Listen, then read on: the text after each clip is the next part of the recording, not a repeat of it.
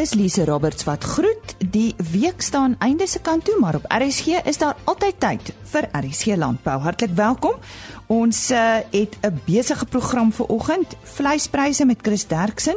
Ons vind meer uit oor 'n nuwe verskynsel in Suid-Afrika en dit is kuilvoer wat in silo sakke gemaak word. Ons vind meer uit oor 'n GWK Boeredag op Priska. In weerwaarhede praat Johan van der Berg oor siklone en warrelwinde en ons gaan loer ook in by vanjaar se Alpha Expo wat daar op Parys plaasvind. RC Landbou word vandag aangebied met die komplemente van Voermol. Sukses keer op keer. Ons gesels met uh, Richard Venter, 'n kuilvoer konsultant oor kuilvoer natuurlik. En uh, ons gaan vanoggend praat oor uh, oor kuilvoer in silo sakke. Dis 'n nuwe ding nê, nee, Richard? Nee, ja, dit is in Suid-Afrika redelik nuut om kuilvoeding in die in die silo sakke te maak. Ons ons is algemeen uh bekend met die die die opberging van graan soos mielies of of soja of of koring of so in silo sakke, maar dis relatief meer omlangs wat dit algemeen in die silo sakke gemaak word. Daar was maar 'n handjievol boere in die land wat dit in die laaste 5 jaar gedoen het en nou is dit skerp aan die toeneem. Inteendeel van ons grootste kuilvoerprodusente maak nou kuilvoer in silo sakke elke ding het mos 'n bo en 'n onderkant, negatief en positief. Daar bestaan 'n persepsie dat silosakke duur is. Ek dink dit is een ding wat altyd voorgehou is as 'n negatief. Eerstens moet 'n ou onthou dat jy betaal in elk geval 'n klomp geld vir jou kuilvoerseile en en die silosak vervang natuurlik daai koste. So dis nie net ekstra koste nie. Dit is wel so dat die dat die masjien wat die wat die kuilvoer in die silosak insit en dit is 'n spesiale masjien wel 'n ekstra koste tot jou proses is. Maar dan aan die ander kant as jy kuilvoer in bankers maak, dan het jy kompaksie en daai kompaksietrekkers, die brandstofverbruik, die arbeid, die loopkoste op daai masjiene, daai koste verdwyn natuurlik want jy het glad nie meer kompaksie met trekkers nie. Jy het bloot net 'n masjien wat dit in 'n sak instoot. So as jy net kyk na silo sakke teenoor kuilvoer bankers, as ek nou moes raai dan is die temperatuur hoër in 'n silo sak. Dis interessant en nie, dis eintlik andersom. Die temperatuur is is is laer in 'n silosak en ons sien dit vir vir 'n paar redes. Eerstens, die die temperatuuruitreiling van 'n silosak is heelwat beter as 'n banker. Met ander woorde, hy raak meer van sy hitte ontslaa. Onthou waar kom daai hitte vandaan? Daai hitte kom uit primêre fermentasie uit. Dit is word gevorm binne in die kuilvoer fermentasieproses uh, deur uh, uh, mikrobewerking wanneer die die melksuur en en so aan gevorm word wat die pH moet laat daal. En om dan van daai van daai temperatuur ontslae te raak is eintlik baie gewens. Ehm um, ons sien ook in die silosakke omdat ons die suurstof baie vinnig afsluit. Jy weet daai silosak is anaerobies of dan nou sonder suurstof bis binne 'n halfuur of 'n uur na die na die gewas gesny is, is daai deel van die kuilvoer klaar afgesny. Daarteenoor kan 'n banker partykeer 2 tot 3 weke aan suurstof blootgestel wees voor hy toegemaak word. En en en daai af vinnige afsny van suurstof bring dan die mikrobewerking baie vinniger uh, uh, tot 'n einde wat tot minder hitteproduksie lei en dis hoekom ons sien dat die silosakke oor die algemeen uh koeler is so 8 tot 10 grade as vergelykende bankers. As jy so na jou luister uh, Richard dan klink dit vir my of uh, daar nog voordele is uh, wat silo sakke het. Ja, en die die die die die ander voordele wat ons sien is natuurlik die stoorareas wat jy kan benut. Jy weet tradisioneel moet ons maar kuilvoer maak waar die bankers is of waar ons groot oop areas het vir vir kuilvoerhope en die trekkers wat daar rondom moet ry. Nou met 'n silo sak het jy hierdie lang smal 'n stoorvorm. So die ouens pak die goed langs lande, hulle pak dit langs paaie. Ons kan hier kuil vir sakke neersit, miskien agter 'n stoor of tussen store. So allerlei areas of spasies op die op die werf kan nou gebruik word vir die opberging van voer. Ons moet uh, ons uh, voorlopige reeksie afsluit oor uh, kuilvoer. Uh Richard, as mense met jou in verbinding wil tree. En ja, hulle kan my gerus skakel op uh, 083 590 3014 En dis dan um, vir my kel vir konsultasie besigheid XKey Unlimited. Baie dankie Richard Venter, hy is 'n kuilvoer konsultant. Dankie Henny en Henny Maas en Johan van der Berg is net nou weer terug met weer waarhede. Nou eers vleispryse wat gewoonlik aangebied word deur Chris Derksen en dit is vleispryse wat in die Noord-Vrystaat behaal is en die datum van hierdie veilinge was 12 September. Belangrik om te let dat speenkalvers definitief oor hulle piekpryse is en hulle so 'n bietjie gedaal. presiese pryse, speenkalvers onder 200 kg, R36.33 per kilogram lewendig. Dan van 200 tot 250 kg, R35.11 en oor 250 kg, R32.95. A-klasse R26.30, B-klasse R22.63, C-klasse vetkoeie R21.51 en markkoeie het gewissel van 17.50 tot 19.22 sent per kilogram. Slagbulle R23.55.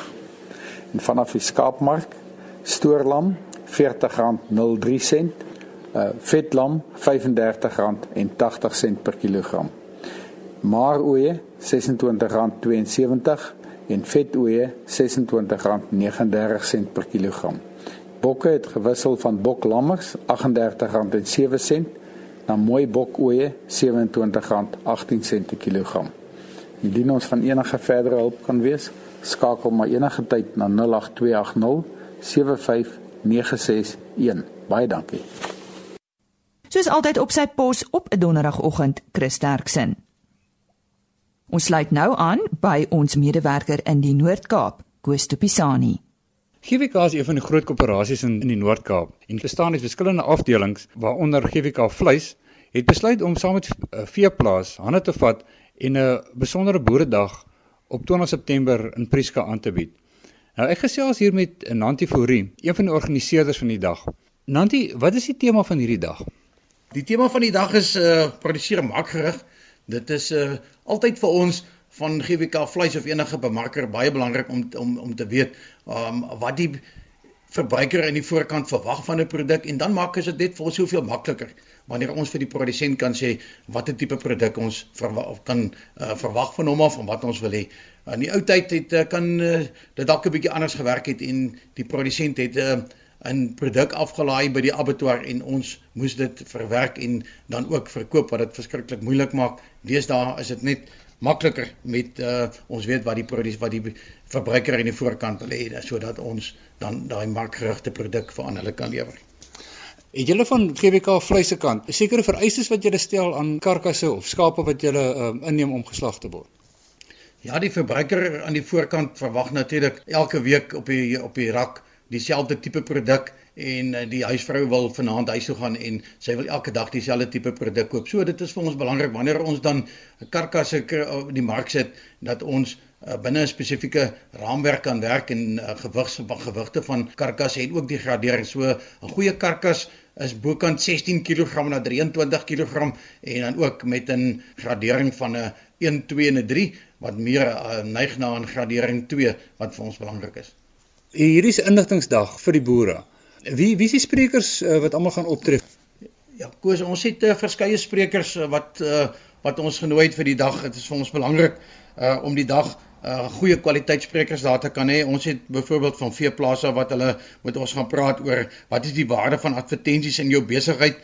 Ons het ook vir Beier ingetrek wat met ons 'n bietjie gaan praat oor uh, dieregesondheid. Ons het vir Heinrich uh, Victor daar, hy is die, streeksbestuurder van Suid en uh, en die noordelike streek en hy gaan praat oor die beplanning van 'n doseerprogram wat aansluit by 'n markgerigte produk. Dan het ons um, Skalk de Villiers van RFID en hy gaan met ons praat oor hoe pas die RFID stelsel in by 'n markgerigte produk. Dit gaan basies oor skale en ook die naspeurbaarheid van van diere en hoe jy ook tags kan gebruik om jou kudde met die bestuur van jou kudde aan te help. Dan het ons natuurlik 'n uh, baie bekende sprekers soos Dr Jasper Kutsie en wat bekend is vir sy skaapvoeding en die bestuurspesialis. Hy gaan vir ons praat oor die afronding van 'n markgerigte produk en dan sluit ons af met ons hoofspreker van GWK self, uh by GWK vleis Alex Lee wat vir ons gaan meer vertel vir die boere oor wat verwag die mark van die produsent. Dit klink vir my dit is 'n redelike vol program van hoe ver af verwag julle mense om om die geleentheid by te woon? Ja, ons ons ons produsente basis is baie wyd en baie groot omdat ons dan die abattoirs wat ons het op uh, De Aar uh, wat meer in die sentrale dele van Suid-Afrika is en dan een ook by Groblershoop wat meer hier na Appington se kant toe is. So ons verwag uh, boere reg oor die spektrum binne in ons gebied wat dan ook in die Kalahari gedeeltes in die areas rondom uh, Groblershoop, uh, Prieska Uh, ons kyk na die groot area rondom die Aar en dan ook af na Calvinia, Carnarvon en en daai areas. Die geleentheid word in Prieska aangebied, maar waar presies in Prieska gaan julle die uh, die boeredag hou? Ons gaan die ehm uh, boeredag hou uh, omtrent so 15 20 km uit Prieska uit is dit op die Merridale pad met die plek met die naam van uh, Glen Ellen. Uh, baie mooi wildsplaas daar langs die langs die groot pad. As iemand nou uh, meer inligting wil hê, vir wie kan hulle skakel? Weet jy ons dametjie by die kantoor is uh, Leandri Meiburg kan vir haar skakel by 053 298 8367 uh, en dan het sy ook 'n e-posadres is leandri is L E A N D R I M uh by gwk.co.za. Dit is vir ons belangrik dat produsente wat kom die dag kom bywoon uh sal uh, die dametjie skakel want dit maak dit net makliker vir ons om ook uh beheer te hê oor ons getalle vir die dag. Koos de Pisani wat daar gesels het met Nanti Fourie, een van die organiseerders van die GWK Boeredag daar op Prieska en hierdie Boeredag vind plaas op 20 September. Weer waarhede saam met Johan van der Berg.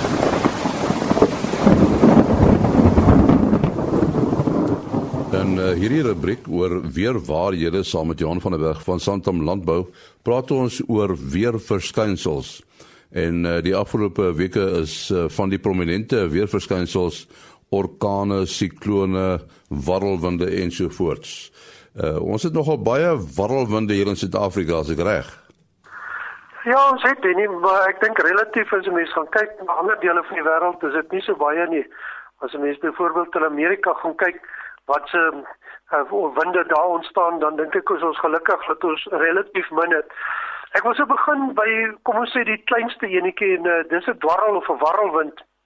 Ja, dit ontstaan maar op die oppervlakte uh en hoofsaaklik as gevolg van onstabiliteit in die lug.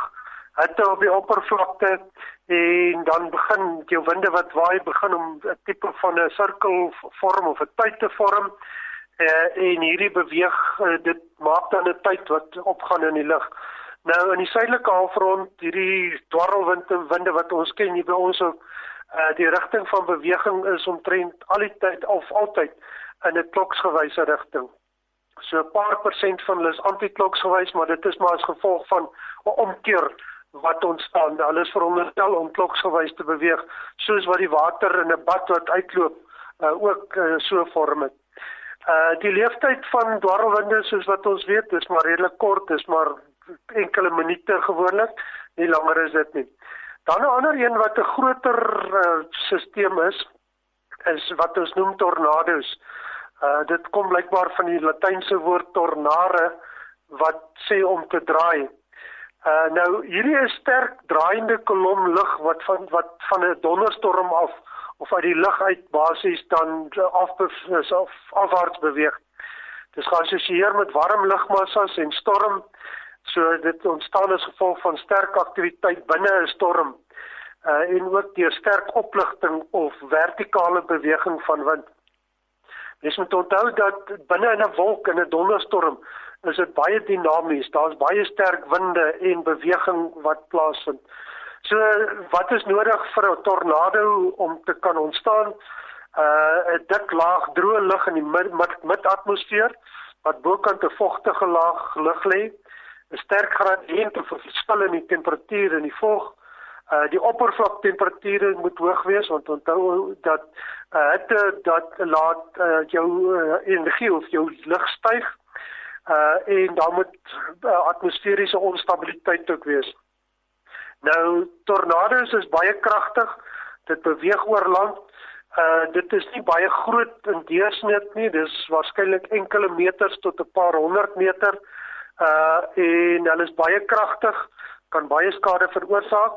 Uh maar hulle leeftyd is 'n bietjie langer as wat 'n dwarrel of warrelwinde is, so van minute tot 'n halfuur of so. Dan kom ons na die groot sisteme toe. Die wat ontstaan oor die oseane of die see. Nou daar's drie terme wat eintlik maar dieselfde ding beteken. Uh siklone of orkane of tifone. Tegnies is 'n sikloon enige soort wind wat in 'n sirkelvorm beweeg of waai. Maar siklone word gebruik vir hierdie sterk sisteme wat in die Indiese Oseaan ontstaan. Hier aan ons ooskus, hierdie gedeeltes, praat ons van siklone gewoonlik hier in die Mosambiek-kanaal. So dit is wat wat hier ontstaan. As ons kyk na wat teen die kus van Amerika gebeur in die Atlantiese Oseaan, dan praat hulle van orkane of hurricanes. Uh en dan in die Stille Oseaan, uh daar Suidoos-Asië, daai gedeeltes rondom die Filippyne, praat hulle van 'n tifoon. Nou hierdie uh, sisteme of dit nou 'n sikloon of 'n orkaan of 'n tifoon is, dis eintlik maar dieselfde ding. Uh ontstaan wanneer die seeoppervlaktemperature so bo kan 26 grade Celsius is. So ons kry gewellige hoeveelhede energie wat dan uh, opwaarts beweeg uh en dit begin dan hierdie sterk sisteme uh, vorm wat hoe verder hoe vinniger dit opbeweeg, hoe meer vog vat dit op en ons kry hierdie tipe van kettingreaksie. Ehm um, dit op hierdie stadium weet ons van die sikloon Harvey wat daar in in Texas die gedeeltes groot skade aangerig het en die volgende een wat op pad is Irma. Nou as 'n mens gaan kyk wat waar het dit ontstaan? En tans is die golf van Mexiko teen die kuslyn is die seeoppervlaktemperature in die orde van 30 grade Celsius of warmer. So daar's gewellige hoeveelhede energie wat daar ontstaan en dan beweeg dit oor land. Nou uh daar's verskillende klassifikasies uh, of daar's eintlik een klassifikasie met vyf verskillende kategorieë wat die intensiteit van hierdie siklone of orkane of tifone gee. Een is die minste sterkste of die swakste waar die uh, uh, winde of die windsnelhede so tussen 120 en 150 km per uur is. En dan as ons na die sterkstes kyk, dit uh, is kategorie 5 is waar die tempo waar die winde meer as 150 km per uur waai. Geweldige energie wat wat dan gevorm word. Soos wat hierdie siklone of tifone of orkane oor land beweeg, begin dit spoed verloor soos wat hierdie energie omgesit word in 'n ander tipe van energie.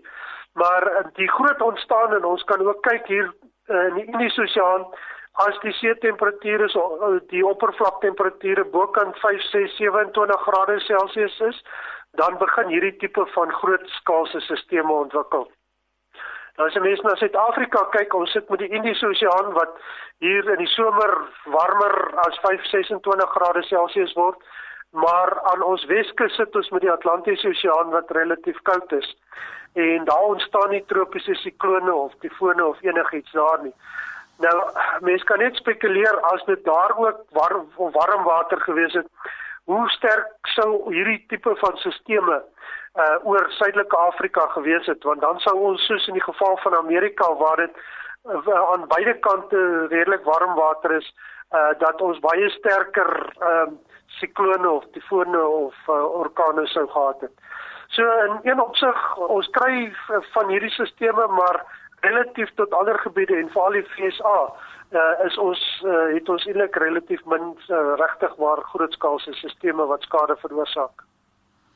Daar sê baie dankie Johan van der Berg van Santam Landbou wat vanoggend gesels het oor warrelwinde, orkane, tifone en siklone. En ons sê dankie aan Henny Maas en Johan van der Berg. Alpha of die African Livestock Trade Fair word vanaf 12 tot 14 September by die Afridome in Parys gehou. En hier Dinsdag 12 September daar gaan inloer en soos jy kan onthou het ons die afgelope paar maande oor verskeie kudde projekte by die landbouskole in Suid-Afrika gesels. En daar was juis van hierdie skole teenwoordig by vanjaar se Alpha Expo. Henny het daar gaan inloer en uh, met 'n paar van die leerdlinge gesels. Uh, wat is jou naam? Mark. En jy is nou hier op 'n uitstalling by Alpha. Uh wat verteenwoordig die uitstalling? Uh watter organisasie? Ons is by 'n landbou skool. Ons leer hoe om te landbou uh varke, uh beeste, uh velde in uh milies en ons die main uh aim is om respek en multi uh, plaaslike besigheid doen. Vir en ons wil die beste landbouskool in Suid-Afrika wees. En wat is die naam van die skool? Western Agricultural College En waar is dit? in Mooirivier. Hoe lank is jy al by die college? Ek is daar 3 jare. 3 jaar sin, uh, van graad 9 af tot graad 11. En uh, het julle die volle spektrum daar? Beeste, skape, alles. Alles, alles, alles. Perde, uh skape, varke, hoenders, uh, uh vleisbeeste en melkbeeste, alles. Ek sien selfs 'n konyn hier hoor. Hy is hier vir die skou. Hy is een van die seuns se ehm uh, diere. Maar hy sal hy is deel van die skool, maar hy is nie ons pla, uh, boere hulle nie. En uh hoeveel ouens is daar op die skool? Hoe groot is die skool? Ons is 185. 185. Ja. Hoekom uh, het jy, jy na Western toe gekom? Want ek wil eendag 'n boer wees en ek glo dit's die beste uh, plaasskool in die land. Well, what is your name? Tabiso sir. Tabiso. Yes. And and you part of uh, an agricultural school? Yes, I'm part of the agricultural school. Which one is that? Uh, Unicom Agricultural Secondary School in Dwespoort. Yes. I see you working here with a cow. What kind of cow is it? Brown Vise. The brown breed, sir. And the brown V, uh, do you like the brown V? Yes, sir. And wha- what are you doing at the moment with the brown with, with the cow? I'm busy washing it so that it can look very nice when it comes in the in the handling crush. If if you wash a cow, what what do you have to do? You must first wash it with the soap. Then after washing the soap, you must use the brush from front to the from front to the back. Then after using the brush, then use the water to get the soap off the cow. Then use the use the water. After using the water, you must let it dry. After letting it dry, you must use this spray uh, to make it shine. And how long does it take to to clean a cow? About 10 minutes, uh, 10 to 15 minutes. Uh. And how often do you have to clean the cow? twice a week, sir. If necessary, you can clean it every day, sir. If you feel so. And and uh, this cow, do you have to clean this cow every time, or you clean uh, clean different cows? I clean it every day because sir, I like it as it. I, t- I take this cow as my friend, say. I like it, man. And how long have you had the cow? For about three months, sir. Ons uh, gesels nou met Joshua Brown van die Hoërskool Wagpos. Joshua, uh, ek staan nou hier by julle stalletjie. Dis 'n baie mooi stalletjie wat julle goed ingerig het. Uh julle skool, uh, is dit 'n landbouskool? Dit is 'n landbou akademiese en tegniese skool oom. En uh, watter graad is jy? Ek is graad 9 oom. Hoekom het jy na die skool toe gekom? Uh, ons het hiernatoe gekom omdat ons altyd van landbou hou, ek en my broer. En uh ja, En wat stal julle uit uh, by hierdie uh, Alva uitstalling? ons het beeste, bokke, nee, ons het net beeste, skape en konyne gebring. Maar daar's nog veel meer by die skool. Ja, oom, ons het perde, bokke, melkbok en uh boerbok. Ons het skape en ons het dan konyne, hoenders en duwe. Ja, die konyne is interessant. Uh, boer jy self met konyne? Ja, ek doen hom uh, ek het 'n uh, kaneelkonyn wat gekruisteel is met 'n dwergkonyn. Uh, is dit jou eie kruising? Nee, nee, ek het hulle so gekry. En jou plan natuurlik is om te gaan boer, nee. Ja, um, ek wil graag eintlik met konyne boer, maar anders wil ek weer mag toe gaan. Nou die konyne boer, hoekom jy's konyne en nie met beeste nie?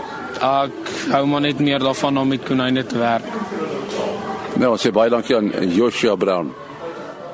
Nou ja, dis nie al nuus vanaf Alpha Expo nie. Onthou volgende week gaan ons nog bydraes vir u vanaf hierdie feesskou stuur wat vandag nog by die Afridome in Parys aangebied word en onthou kaartjies is beskikbaar by die hekke, so gaan maak 'n gerus 'n draai. Vir ons laaste bydrae vanoggend sluit ons weer aan by ons medewerker in die Noord-Kaap, Koos Tupisani. Dr. Rolf Botha wat reeds 28 jaar die ekonomiese raadgewer van PwC is, het tydens die Agri Noord-Kaap Kongres in Kimberley sy siening oor die oor beleggingsopsies te midde van die ekonomiese politieke onsekerheid met die boere gedeel. Dokter, ek dink die meeste van ons is almal bekommerd oor die rentekoerse. Wat verwag jy gaan met die rentekoerse gebeur in die volgende jaar of 2 jaar? Die rentekoers het nou klaar uh, begin afkom. Ehm um, bietjie te min, bietjie te laat volgens my, want daar is 'n hele rits van aanwysers wat ehm um, vir 'n mens wys dat die Reserwebank het 'n bietjie sy voete gesleep hiermee. Maar die uh, hoofrede waarom rentekoerse verder gaan sak is dat inflasie val soos 'n klip die landbousektor se inset in die produksieprysindex wat meer as 'n derde van die gewig dra, is negatief op die oomblik op, op 'n jaar tot jaar basis. En voedsel uh, verteenwoordig meer as 'n vyfde van die verbruikersprysindeks. Wat dit beteken is dat soos wat die pryse nou nou sak van van sommige uh, kernlandbouprodukte, gaan ons inflasiekoers waarskynlik in die volgende paar maande van hierso uh, baie naby aan 3% tussen 3 en 4% wat beteken daar's ons ruimte met 'n bietjie geluk vir 'n uh, verdere 200 basispunte daling. En natuurlik lae rentekoerse beteken laer koste van kapitaal. Dit beteken dat verbruikers het 'n bietjie meer geld die wie se verbandlenings aan prima gekoppel is om te spandeer aan wat hulle ook al wil spandeer, maar ek ek dink kos sal in daai prentjie wees. So almal van ons is eintlik maar bekommerd oor die die kwessie van rommelstatus en resessie waarvan die media so praat. Ehm um, dink jy dit is 'n werklikheid of is dit nou maar sommer nou net weer 'n 'n naam wat gebruik word. Kyk, ek probeer nie voorgee dat die ekonomie nou uh jy weet teen 'n verstommende pas groei nie. Dit is eenvoudig nie die geval nie, maar ons is nie in 'n resessie nie. Want op 'n jaar tot jaar basis het ons in die eerste kwartaal van die jaar met 1% reël gegroei teenoor die eerste kwartaal laas jaar. So ons is nie in 'n resessie nie. En ons gaan ook nie in 'n resessie in beweeg nie. Want daar's te veel grondliggende faktore soos die primêre sektore, landbou, mynbou wat nou uh, in die prentjie inkom. Hulle deur syferende waardeketTINGS rentekoerse begin sak, ons handelsvennote doen beter. Uh trouens ons ons kan moontlik in volgende jaar vir alles meneer Ramaphosa verkies word in Desember kan ons 'n skitterende jaar hê. En dink u die rommelstatus sal dan kan opgehef word of of gaan dit dieselfde maar bly soos wat dit op die oomblik is? Daar's 'n opvatting daar buite dat ons het rommelstatus, maar dis nie eenvoudig nie die geval nie. Daar's 3 die die twee grootste kredietgradeerders, Moody's en S&P het ons nog al ons rand staatseffekte en dit is 89% van die totaal. En dit is nog beleggersgraad. Dit is net die buitelandse die die dollar en euro staatseffekte van Suid-Afrika wat by S&P uh rommelstatus is. So dis net 11%, maar selfs daardie groep is by Moody's nog beleggersgraad. So ons is nie op die oomblik is dit nie dis nie korrek om te sê Suid-Afrika se staatseffekte het rommelstatus nie. Dis eenvoudig nie korrek nie. Dit is alles nasionale ekonomie. Maar as ons nou terugkom na die na, na die landbou toe en na die boer spesifiek. Ehm um, wat se opsies is daar vir die vir die landbouer om om nou te belê? Wel, ek glo vas dat op die oomblik dat die pryse van bewerkbare landbougrond het waarskynlik in sommige streke weens die groot mate van beleidsonsekerheid het hulle waarskynlik gestabiliseer, hulle kon selfs 'n bietjie gedaal het. So daar is dink glo ek koop geleenthede. Ek persoonlik glo dat die landbousektor in Suid-Afrika sal stabiel bly. Ek glo vas dat die regering vir alle onder Ramaphosa bewind sal hoe genaamd dit nie oorweeg om grondhervorming te laat plaasvind sonder ehm uh, vergoeding nie en sonder inagneming van die die doelwitte van ekonomiese groei, stabiliteit, voedselsekerheid en natuurlik werkskepping. En om dit te doen, moet hulle saam met die landbouorganisasies werk en daarom is organisasies soos Agri SA en TLI en uh organisasies selfs soos Oud Mutual byvoorbeeld wat wat die landbou ondersteun op verskeie maniere. Uh daarom is dit belangrik dat hulle hande moet sterk gemaak word deur deur hulle lede en natuurlik die hande van instansies wat ons grondwet probeer beskerm. In die laaste 3 jaar het ons deur 'n erge droogte gegaan. Vir hierdie jaar uh, word daar gepraat van 'n baie goeie jaar vir die val vir die veeboere. Pryse is baie hoog en so aan. Nou 'n boer wat nou uh, geld maak. Um, wat sal u vir hom aanbeveel? Wel my aanbeveling aan hom sal wees om maar te belê in dit wat hy ken, waarskynlik sy eie boerdery. Uh om om mooi te kyk na die navorsing wat gedoen word rondom vraag en aanbod om waarde toe te voeg tot wat jy ook al produseer want per capita inkomste styg in hierdie land uh bietjie swak gewees laas jaar maar oor die sedert 94 het per capita inkomste in Suid-Afrika geweldig toegeneem. Dit is ook die geval in die res van Afrika en mense raak meer kieskeurig oor wat hulle eet en wat hulle drink Uh hulle soek meer proteïene, hulle hulle soek dit uh in, in meer verwerkte vorm. So daar's baie geleenthede dink ek in diversifikasie, maar mense moet nooit jou eiers in een mandjie hê nie. So om hier op die kant daarmee 'n neseier op te bou, veral in 'n belegging uh wat wat vir jou toelaat om in jou waardeketting te belê. In in aan uh, genoteerde maatskappye dink ek is 'n baie goeie opsie. Koos de Pisani wat daar gesels het met Rolof Botha. Soos altyd op 'n donderdagoggend sê ek fluit fluit my storie is uit vir hierdie week. Vandag se program en ook hierdie week se programme is aangebied met die komplimente van Voermol. Sukses keer op keer. Mag dit met u net goed gaan. Totsiens. RSG Landbou is 'n produksie van Blast Publishing. Produksieregisseur Henny Maas. Aanbieding Lisa Roberts en 'n notas koördineerder Jolande Rooi.